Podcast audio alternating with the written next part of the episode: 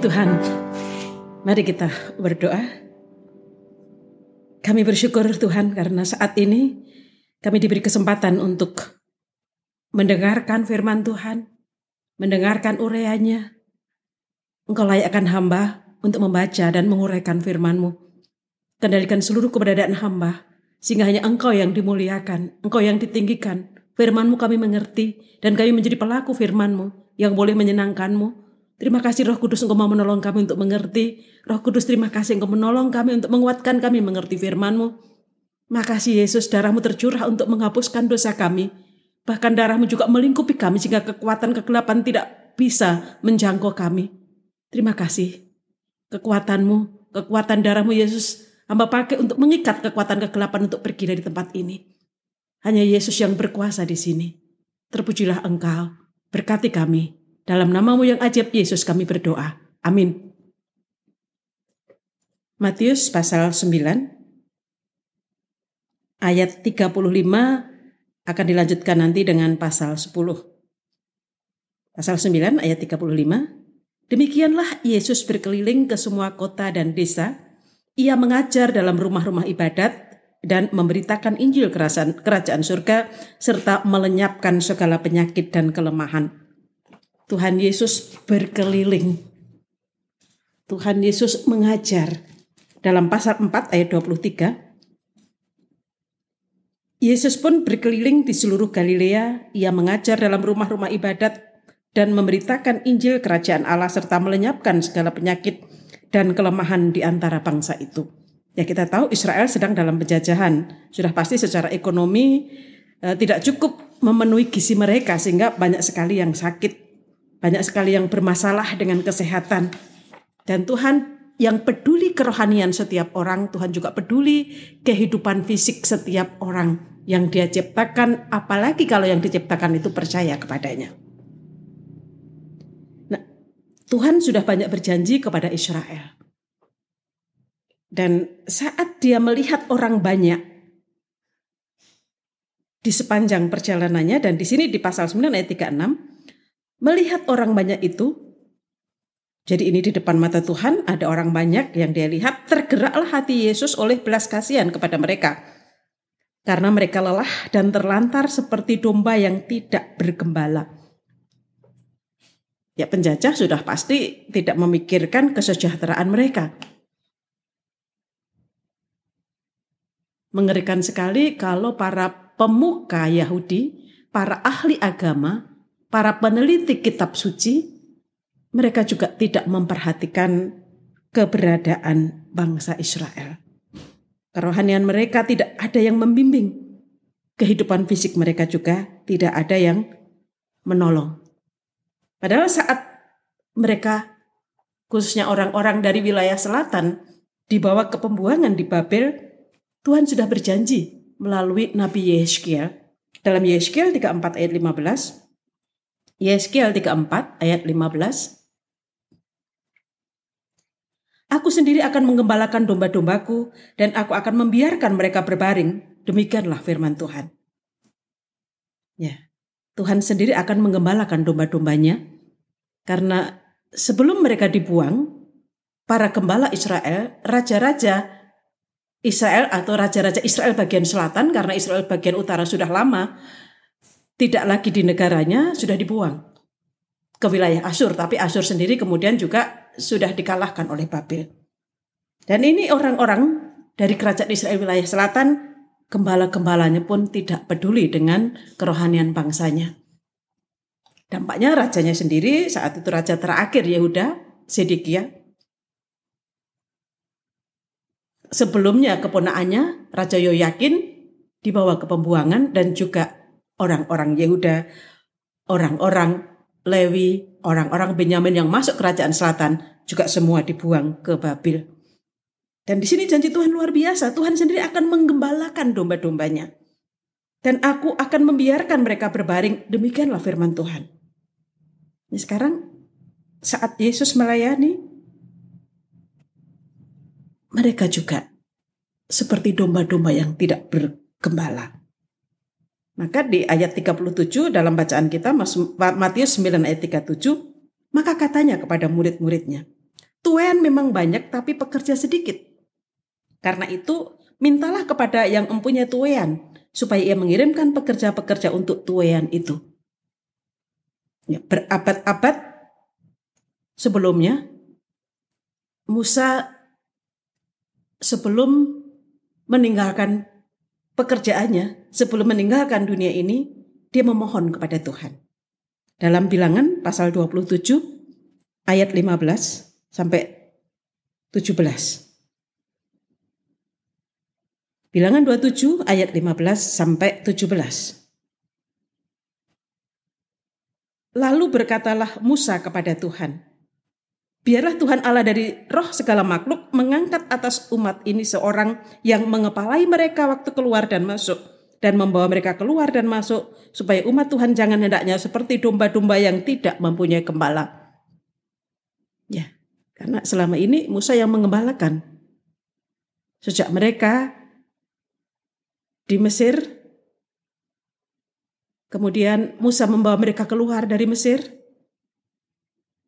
Dan gini waktunya Musa menyelesaikan pekerjaannya di bumi.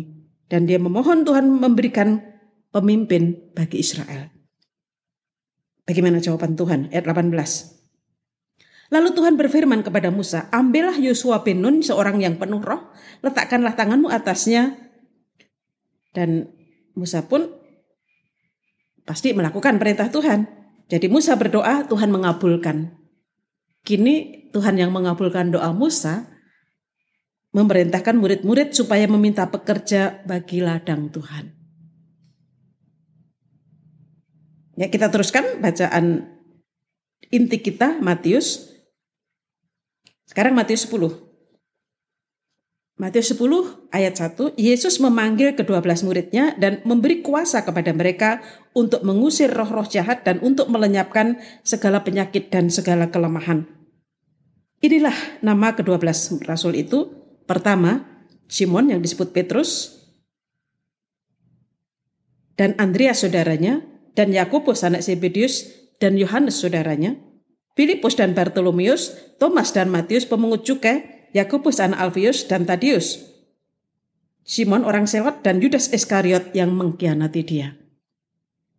Jadi Tuhan memerintahkan mereka berdoa supaya ada petugas-petugas pekerja-pekerja yang mengerjakan, yang menuai ladang yang sudah menguning, yang menolong orang-orang yang siap untuk percaya untuk mengenal kebenaran dan hidup di dalamnya. Dan ini nama-nama khusus yang disiapkan Tuhan, yang diajar khusus, yang kemudian nanti juga akan diutus dan mengajar dunia ini. Ayat yang kelima, ini nampaknya pengutusan praktek, praktek lapangan sebelum mereka nanti pelayanan ke seluruh dunia karena Tuhan akan meninggalkan dunia ini secara fisik. Kedua belas murid itu diutus oleh Yesus dan ia berpesan kepada mereka, Janganlah kamu menyimpang ke jalan bangsa lain atau masuk ke dalam kota orang Samaria, melainkan pergilah kepada domba-domba yang hilang dari umat Israel. Mengapa hanya kepada umat Israel? Karena memang pertama-tama firman Tuhan dipercayakan kepada mereka. Kita tahu bagaimana kelima kitab pertama Alkitab itu memang di peruntukkan bagi bangsa Israel yang mau masuk tanah Kanaan. Dan kita bersyukur kalau kita sekarang bisa memiliki kitab itu. Bisa mempelajari kitab itu. Dan di sini Tuhan memerintahkan hanya untuk yang hilang dari Israel. Padahal apa yang diungkapkan Yohanes Pembaptis saat melihat Yesus dalam Yohanes 1 ayat 29. Yohanes 1 ayat 29. Pada keesokan harinya Yohanes melihat Yesus datang kepadanya dan ia berkata, Lihatlah anak domba Allah yang menghapus dosa dunia. Tapi mengapa saat ini, saat Yesus mengutus kedua belas murid hanya untuk Israel? Karena Tuhan bekerja dengan terencana. Pertama-tama memang Israel lah yang dipercayai firman Tuhan. Karena moyang mereka yang taat pada Tuhan. Abraham yang meninggalkan keluarga yang menyembah berhala. Ishak yang setia kepada Tuhan. Yakub yang mengasihi Tuhan. Dan kemudian ke anak-anaknya. Sampailah kepada zaman Yesus ini. Israel menerima hak istimewa karena ketaatan moyang mereka kepada Tuhan. Padahal firman Tuhan ini untuk seluruh dunia sebenarnya kenapa? Karena kita satu keturunan, semuanya keturunan Nuh. Tapi bagaimana Tuhan memandang dalam keadilannya? Memilih dalam keadilannya. Memilih dalam kebenarannya. Sehingga Israel mendapat hak istimewa untuk mendapatkan firman Tuhan. Dan ini bangsa Israel lebih dahulu yang mendapatkan. Karena mereka sudah banyak yang memberontak pada Tuhan. Tetapi yang diutus juga orang Israel.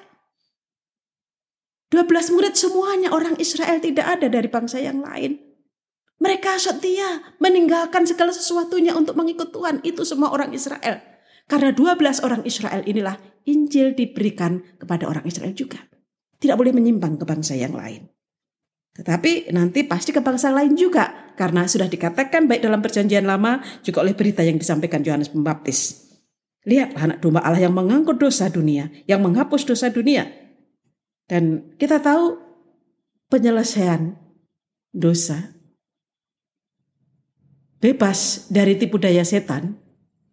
Janji itu ditujukan kepada seluruh keturunan Hawa. Saat menghukum ular yang di belakangnya setan dalam kejadian 3 ayat 15. Kejadian 3 ayat 15, Tuhan berbicara, aku akan mengadakan permusuhan antara engkau, ular, dan perempuan ini, antara keturunanmu dan keturunannya. Keturunannya dalam bahasa Ibraninya, hu, keturunannya kemudian ini ya. Jadi keturunanmu dan keturunannya. Kemudian keturunannya atau hu hu itu ia laki-laki akan meremukkan kepalamu. Jadi ada keturunan yang nanti seorang laki-laki, seorang pria dari keturunan Hawa akan meremukkan atau bisa diterjemahkan mememarkan kepala ular atau kepala setan. Dan engkau si ular akan mememarkan tumitnya. Nah, kematian Tuhan Yesus juga mememarkan kepala ular. Sehingga bagi yang berlindung di dalam darah Tuhan Yesus akan terus bebas dari biusan tipu daya setan. Karena kepalanya setan sudah memar. Hanya yang bodoh, yang tidak takut Tuhan, yang gampang tertipu. Orang yang sudah dibaharui akal budinya akan terbebas, akan menang dari tipu daya yang kepalanya sudah memar. Tapi saat Yesus memberikan perintah ini dia belum disalibkan. Sehingga kejadian 3 ayat 15 belum tergenapi. Nah murid-murid pergi dulu ke orang-orang Yahudi.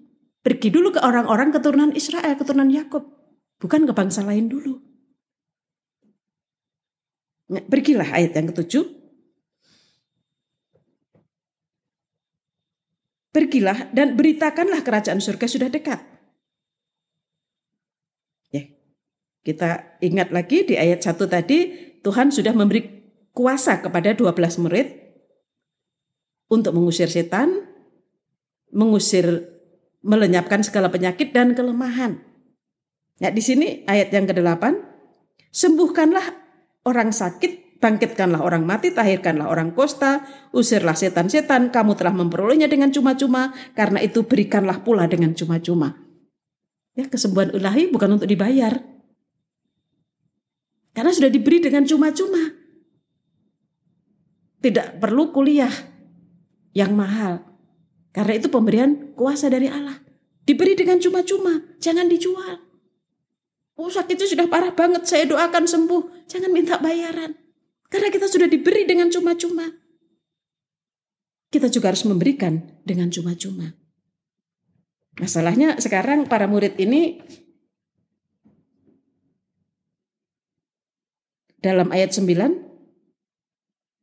Janganlah kamu membawa emas atau perak atau tembaga dalam ikat pinggangmu.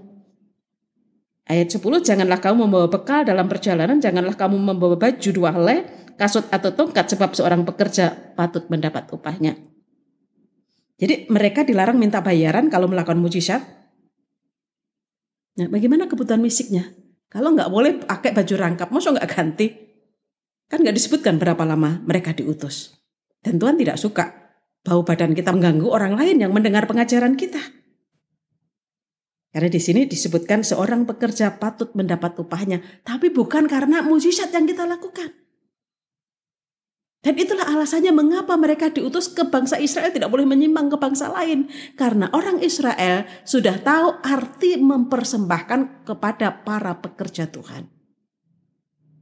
Orang Israel tahu mencukupkan kebutuhan para nabi. Orang Israel tahu mempersembahkan kebutuhan mereka yang memberitakan firman Tuhan. Israel yang punya kitab suci. Israel yang punya pengajaran. Israel yang melakukan. Sehingga dengan tidak membawa bekal apa pun, juga cara Tuhan untuk memberkati bangsa Israel yang menerima para murid. Dalam Lukas pasal 9 ayat 6, Lalu pergilah mereka dan mereka mengelilingi segala desa sambil memberitakan Injil dan menyembuhkan orang sakit di segala tempat. Nah, kemudian selesai pelayanan praktek mereka ayat yang ke-10 Sekembalinya rasul-rasul itu menceritakan kepada Yesus apa yang telah mereka kerjakan. Lalu Yesus membawa mereka dan menyingkir ke sebuah kota yang bernama Bitsaida, sehingga hanya mereka saja bersama. Nah, selama para murid ini diutus, apa yang dilakukan Yesus? Selama para murid ini belum datang lagi kepada Yesus, apa yang dilakukan Yesus? Kita lihat Matius 11 ayat 1. Setelah Yesus ber, selesai berpesan, kepada kedua belas muridnya, pergilah ia dari sana untuk mengajar dan memberitakan Injil di dalam kota-kota mereka. Ya, jadi Yesus juga tetap mengajar. Yesus tetap memberitakan Injil. Pasti juga Yesus juga tetap melakukan mukjizat menolong mereka yang memang secara ekonomi sengsara, ekon, uh, mereka tidak bisa berobat, tidak ada pemenuhan gizi sehingga banyak sekali orang yang lemah tuh fisiknya. Ada yang lumpuh sejak lahirnya karena mungkin sejak dalam rahim kekurangan gizi. Israel selalu dijajah, ekonominya tidak benar. Para pemimpin agama pun lebih banyak memperkaya diri sendiri. Dan Yesus datang untuk menyembuhkan kelemahan. Kelemahan karena kekurangan gizi, kelemahan karena sakit penyakit, dan karena mereka tidak mengerti firman Tuhan sehingga banyak dirasuk setan. Sementara itu juga Yesus mengutus murid-murid yang lain selain 12 murid. Perhatikan Lukas 10 ayat 1. Dan seterusnya saya baca dulu ayat 1. Kemudian daripada itu Tuhan menunjuk 70 murid yang lain lalu mengutus mereka berdua-dua. Ya, nama itu kita tidak tahu jelas siapa saja. Tidak ada catatan dalam kitab suci kita, bukan berarti nggak ada catatan sama sekali. Tentu dalam tradisi gereja mula-mula masih punya catatan-catatan ini.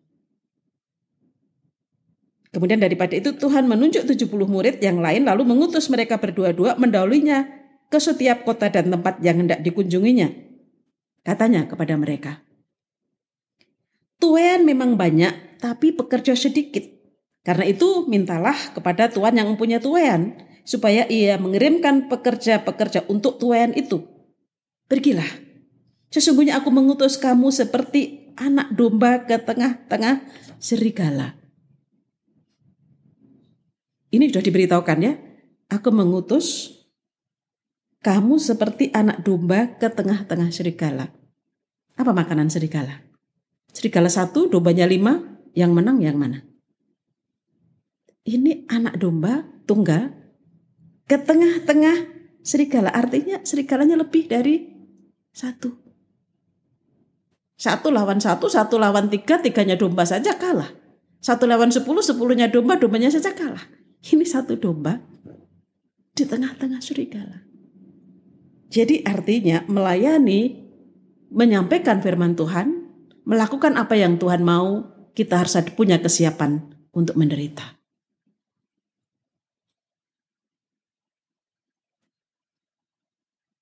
Tapi kita bersyukur karena sudah ada janji Tuhan. Kalau kita benar mengajar firman Tuhan, artinya kita sudah belajar firman Tuhan dengan sungguh, kita mengajarkan kepada orang lain, janji Tuhan akan menyertai kita sampai kesudahan alam. Tidak ada makhluk satupun yang sebanding dengan Tuhan. Ya. Yang menciptakan hanya Allah kita. Ya. Tidak ada Allah lain yang menjadi pencipta. Setan bukan pencipta. Setan gak ada apa-apanya, gak mungkin bisa melawan Tuhan. Gak mungkin menang seandainya ada usaha setan. Memang setan selalu berusaha melawan Tuhan. Tapi gak akan pernah menang selamanya, gak akan. Jadi meskipun serigala banyak, tapi penciptanya serigala itu menyertai anak domba. Anak domba itu adalah satu makhluk yang taat mendengarkan gembalanya dia nggak mau mendengarkan gembala yang lain. Dia bodoh yang didengarkan hanya gembalanya saja. Meskipun bodoh, tetapi daya dengarnya cukup baik. Dia mengerti mana gembalanya, mana yang bukan. Karena itu, selama anak domba mendengarkan gembalanya, tidak mau berpisah dari gembalanya, di tengah-tengah serigala pasti menang. Gak mungkin kalah. Ya, dan perintah ke-70 murid ini aturannya sama dengan ke pada 12 rasul sebelumnya. Mereka tidak boleh membawa bekal. Tinggallah dalam rumah itu, jadi kalau masuk ke suatu kota, kemudian melihat mana yang layak menerima mereka, tinggallah dalam rumah itu dan makan dan minumlah apa yang diberikan kepadamu. Artinya yang ditempati punya kewajiban memberikan makan dan minum. Sehingga nggak perlu membawa bekal. Kenapa? Karena yang didatangi punya kewajiban. Dan itu orang Israel sudah tahu kewajibannya. Makanya hanya kepada domba yang hilang dari umat Israel lebih dahulu. Ya nanti kepada Paulus, Paulus kadang-kadang bekerja. Karena dia melayani orang yang belum mengerti kitab suci. Sementara orang Yahudi sudah mengerti kitab suci. Gak usah bawa bekal. Karena tempat di mana kamu tinggal wajib memberikan makan dan minum. Makan dan minumlah apa yang diberikan orang kepadamu. Kamu tidak berhutang apa-apa kalau mendapat makanan dan minuman di tempat di mana kamu pelayanan. Karena itu kewajiban mereka memberi. Sebab seorang pekerja patut mendapat upahnya. Jadi nggak usah merasa berhutang. Janganlah berpindah-pindah rumah. Karena di sini makanannya nggak enak, pindah ke tempat yang lain nggak boleh. Jangan berpindah-pindah rumah. Karena orang itu sudah melakukan kewajibannya. Tuhan pasti akan memberkati rumah itu. Jangan berpindah-pindah. Dan sembuhkanlah orang-orang sakit yang ada di situ. Dan katakanlah kepada mereka kerajaan Allah sudah dekat padamu. Dan sama dengan 12 murid, 70 murid ini berhasil melakukan tugas pelayanan prakteknya. Ayat 17, Lukas 10 ayat 17, kemudian ke-70 murid itu kembali dengan gembira dan berkata, Tuhan, juga setan-setan takluk kepada kami demi namamu.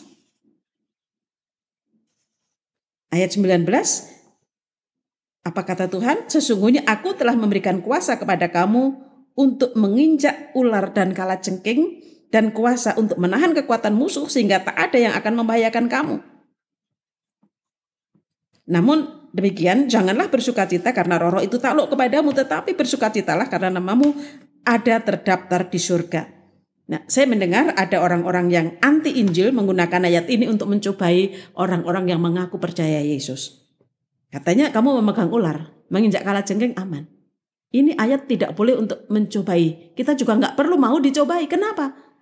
Ini saat tidak bisa tidak orang yang memberitakan Injil harus menginjak, harus ketemu ular dan kala jengking. Bukan mencari-cari. Orangnya itu mau mendengarkan Injil? Belum.